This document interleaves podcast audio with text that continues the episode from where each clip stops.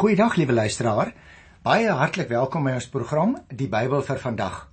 Nuwe mense wat dalk vir die eerste keer na ons program luister, vir julle wil ek dalk net nie net welkom sê nie, maar vir julle wil ek ook sê waarmee ons besig is.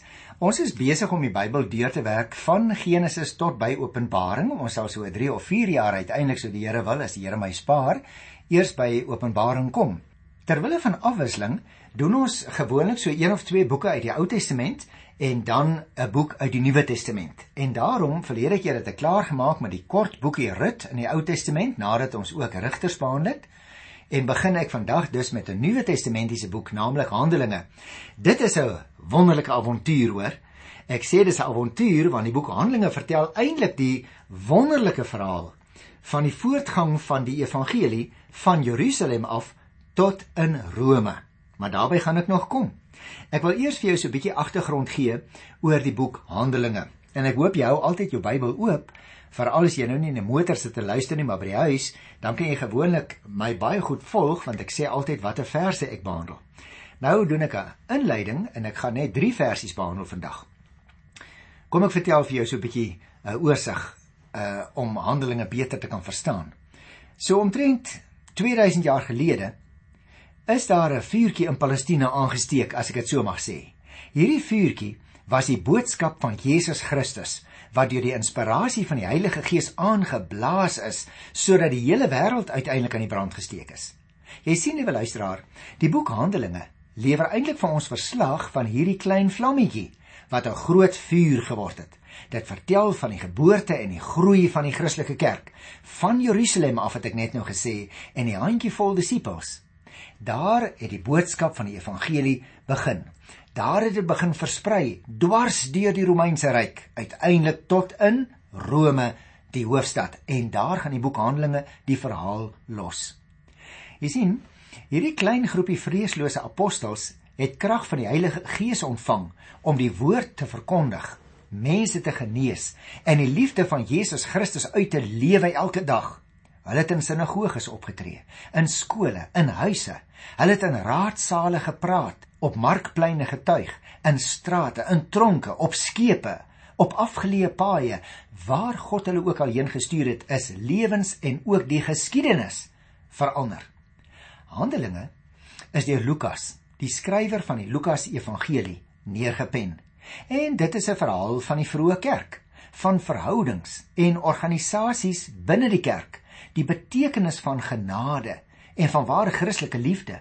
Dit bevestig die Here Jesus se beloftes en aansprake en dit wys hoe hy steeds die Here is van sy kerk wat voortgaan met die werk deur die werking van die Heilige Gees. En daarom, die boek Handelinge begin met die beloofde uitstorting van die Heilige Gees. En daarna begin die apostels om die evangelie boodskap uit te dra. En hierdie evangelisasie taak, liewe luisteraars, wat onder aansporing van die Heilige Gees geskied, dit begin in Jerusalem en versprei uiteindelik tot ja, jy weet dit al, tot in Rome. Die boodskap van Jesus Christus bereik feitelik die hele Romeinse ryk. Die belofte in Handelinge 1 vers 8 wat sê julle sal my getuies wees, word waargemaak met die verkondiging van die boodskap in Jerusalem en dan ook weier, dit is soos klippe wat in 'n dam val, nê, en dan is daar golwe.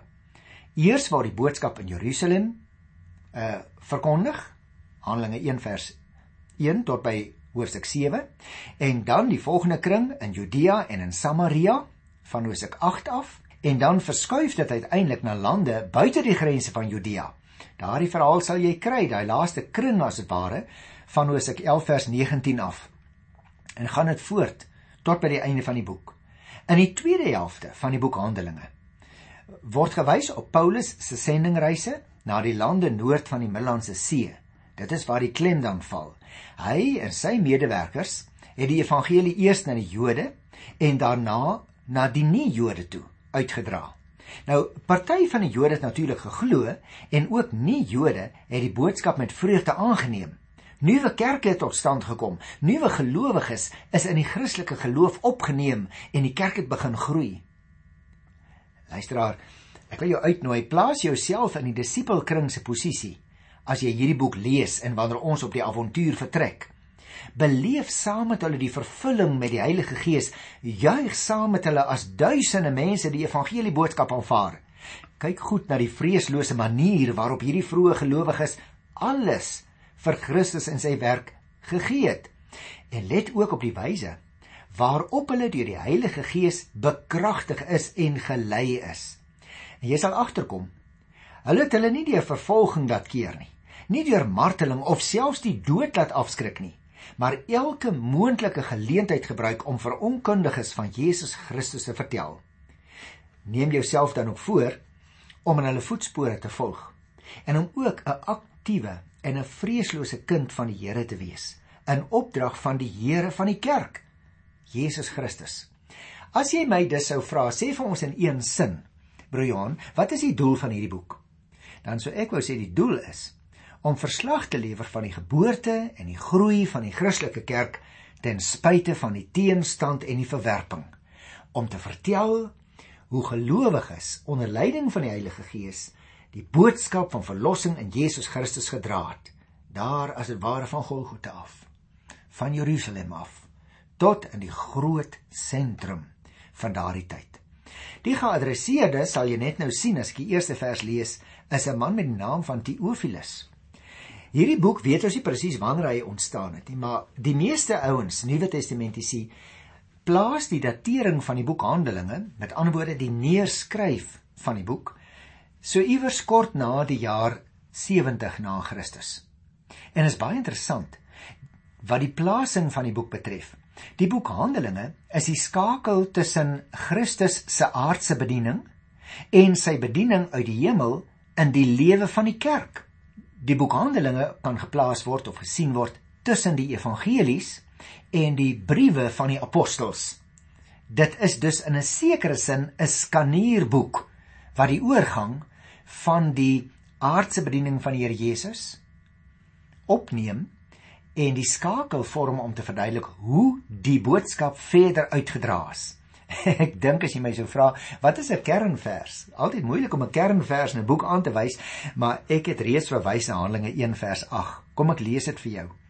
Maar julle, dis nou die Christus gelowiges, né? En dit geld ook vir jou, vir my as die 10de of die 1000ste geslag van Christen wees. Dit geld ook vir ons, want ons kan nie uit eie krag werk nie. Luister wat staan in Handelinge 1:8.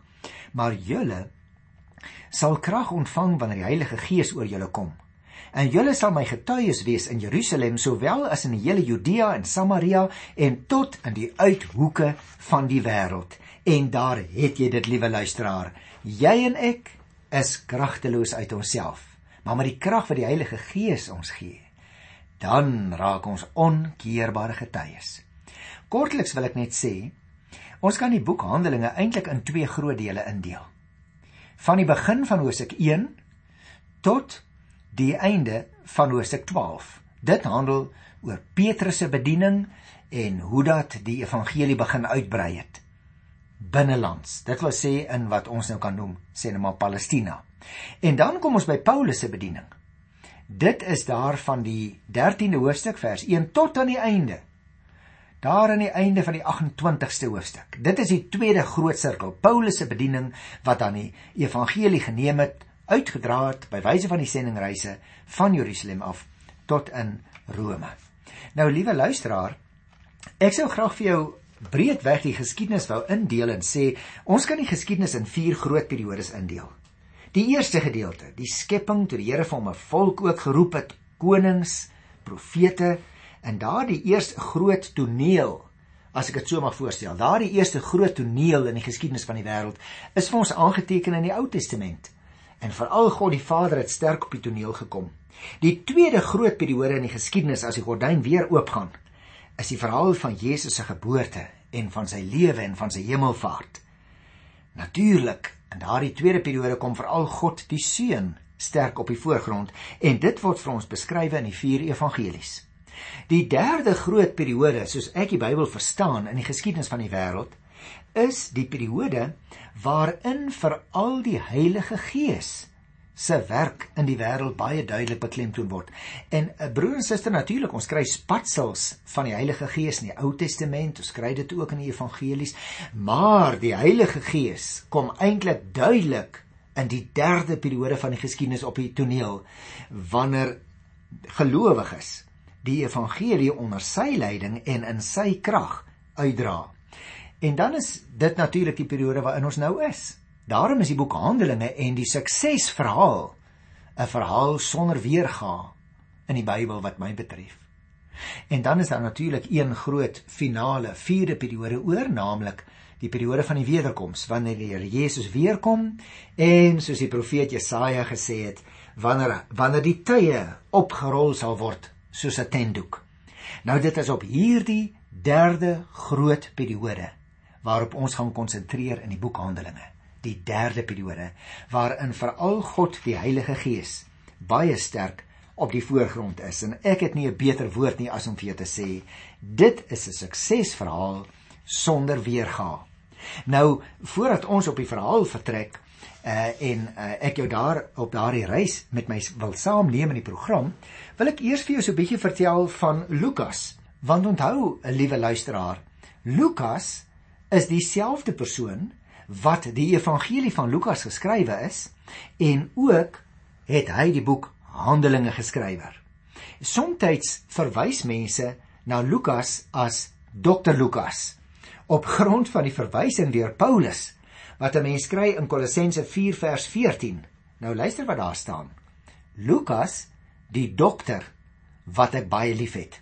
En daarom is hy seker uh een van die mees geleerde ouens naas Paulus natuurlik want hy het 'n bepaalde mediese opleiding gehad. Nou ja, wat dit nou presies ingehou het en beteken dit in daardie tyd van die geskiedenis, so rondom 70 na Christus, dit weet ek nou nie presies nie, kan nie vir jou verduidelik nie, maar daar word dus in die geskiedenisboeke en in die teologie ook soms verwys na Lukas, die dokter. Ek wil nog enige boek skrywe oor hom, want mense kan 'n baie mooi reisverhaal skrywe. Uh veral ook as jy na die boek Handelinge kyk sekere skrifkenners is van mening dat baie van die terminologie in die evangelie byvoorbeeld daarop dui dat die skrywer 'n mediese dokter kon gewees het. Ander wys weer daarop dat dieselfde terminologie by baie ander antieke skrywers voorkom wat glad nie na mediese dokters verwys het nie. Wat ons wel met sekerheid kan agterkom, liewe luisteraar, is dat die skrywer van die evangelie en Handelinge wel 'n geleerde en 'n goed opgeleide persoon moes gewees het. Sy taalgebruik byvoorbeeld dui op 'n persoon wat goed onderrig was in die Griekse taal en filosofie. Ons weet nie eintlik vreeslik baie van Lukas se lewe af nie. En tog leer ons heelwat omtrent hom uit die dinge wat geskryf is in sy evangelie waar die klem swaar val op die Here Jesus se meegevoel en sy deernis met mense wat ly deur veral ly deur fisiese ongesteldheid of ook soms ly deur die verdrukking van sosiale strukture. Die skrywer Lukas toon as 'n mens na die evangelie kyk 'n sensitiwiteit vir die Here Jesus se aangetrokkenheid tot die mense in die samelewing wat onderdruk is, wat verstoot was destyds, net soos byvoorbeeld die vroue en die kinders in daardie tyd van die geskiedenis. Hulle wat eintlik nie regtig 'n sosiale wat ons sou noem is 'n sosiale standing gehad het in die maatskappy nie, né? Hy skryf byvoorbeeld dikwels oor die deernis waarmee die Here Jesus mense behandel het op 'n baie boeiende en 'n baie lewendige manier. Nou, eh, behalwe vir Lukas se begrip vir die individu, het hy ook 'n aanvoeling gehad vir die universele betekenis van die Here Jesus se boodskap en bediening. Daarom interessant. Daarom is hy eintlik die enigste evangelis wat ook die verdere verloop van die evangelie in die wye wêreld beskryf. En dit is hoekom ek dit vir jou vertel, want dit word vir ons meegedeel in die boek Handelinge. En daardeur gebruik die Here vir Lukas as 'n geskiedskrywer van die vroeë kerk. In Handelinge, luisteraars, teken hy vir ons egter mense, egte mense. Wys hy vir ons hoe hulle betrokke is by een van die grootste gebeurtenisse van die geskiedenis, naamlik die voortdra van die paaltjie van die evangelie, as ek dit nou mag vergelyk met 'n atleet.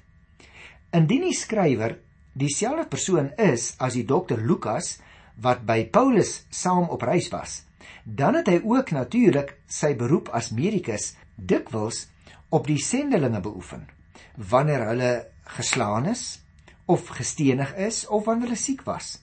Paulus het ten minste vir hom groot waardering gehad juis vir die getrouheid en die bekwaamheid van die dokter Lukas wat saam met hom was.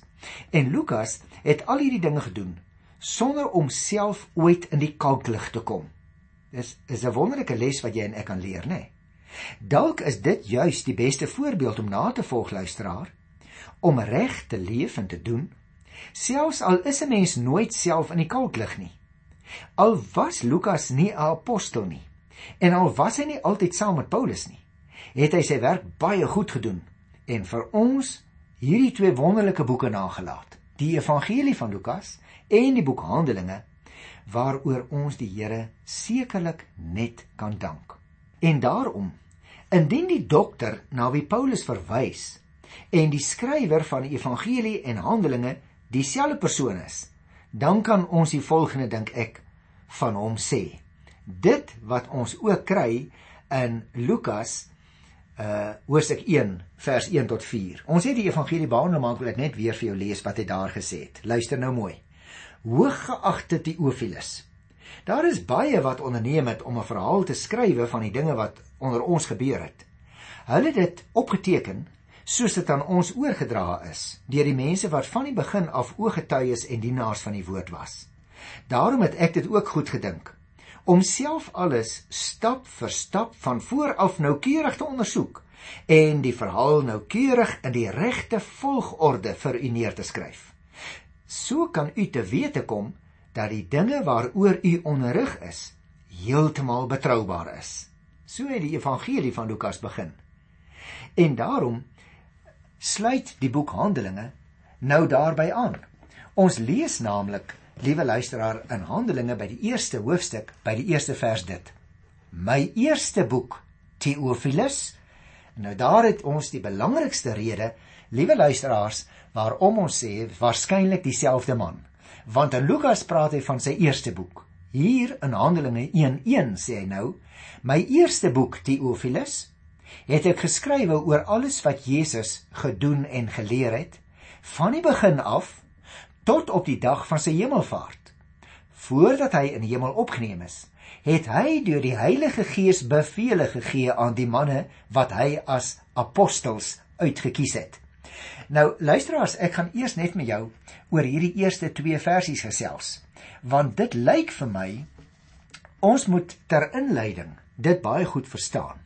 In die boek Handelinge sit Lukas dus die verhaal waarmee hy in sy evangelie begin het voort. Nou, wonder of jy geweet het, dis interessant om dit in gedagte te hou wanneer ons die boek behandel. Handelinge dek die 30 jaar na Jesus se hemelvaart. In daardie kort tydperk het die kerk tot stand gekom en is die verlossingsboodskap na die res van die wêreld toe uitgedra in daardie groot Romeinse ryk van destyds, né? Dit is selfs in die hoofstad van die Romeinse ryk, naamlik Rome, verkondig.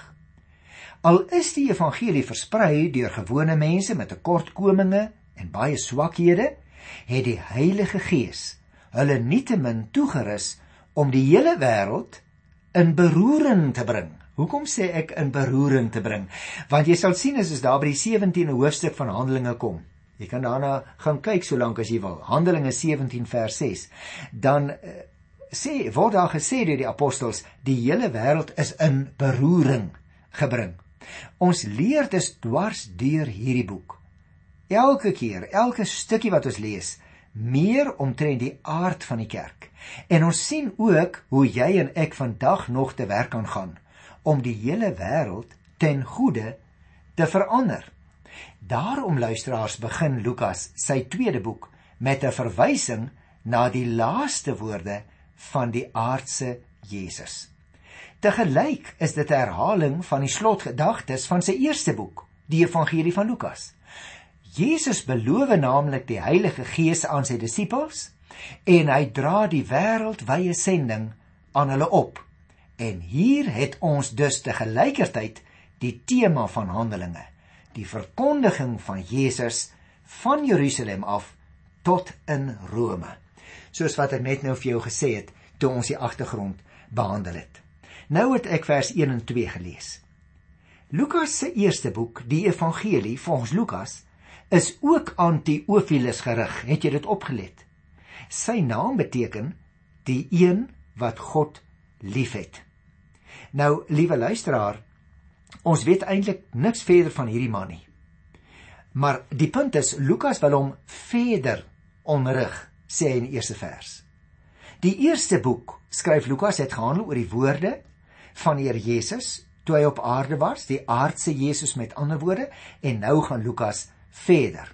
Hier gaan dit dus oor die laaste bevele wat Jesus voor sy hemelvaart aan sy apostels gegee het. En hy het dit alles gedoen, skryf Lukas, deur die Heilige Gees. En daarom wil ek nou graag afsluit vir vandag met die derde vers. En ek doen net min versies vandag want ek het die inleiding gedoen en ek wil graag 'n bietjie meer gesels nog hier oor die derde vers. Luister. Na sy dood het Jesus aan hulle met baie onbetwisbare bewyse ook getoon dat hy lewe. In die loop van 40 dae het hy by verskillende geleenthede aan hulle verskyn en met hulle oor die dinge van die koninkryk van God gepraat. Nou hierdie vers Liewe broers en susters, is baie belangrik want voordat die bevele weergegee word, sê Lukas oor die 40 dae tussen die kruis en die hemelvaart nog twee dinge wat vir hom belangrik was. Let op. Die eerste is dat Jesus deur die verskyning onbetwisbaar bewys het hy lewe.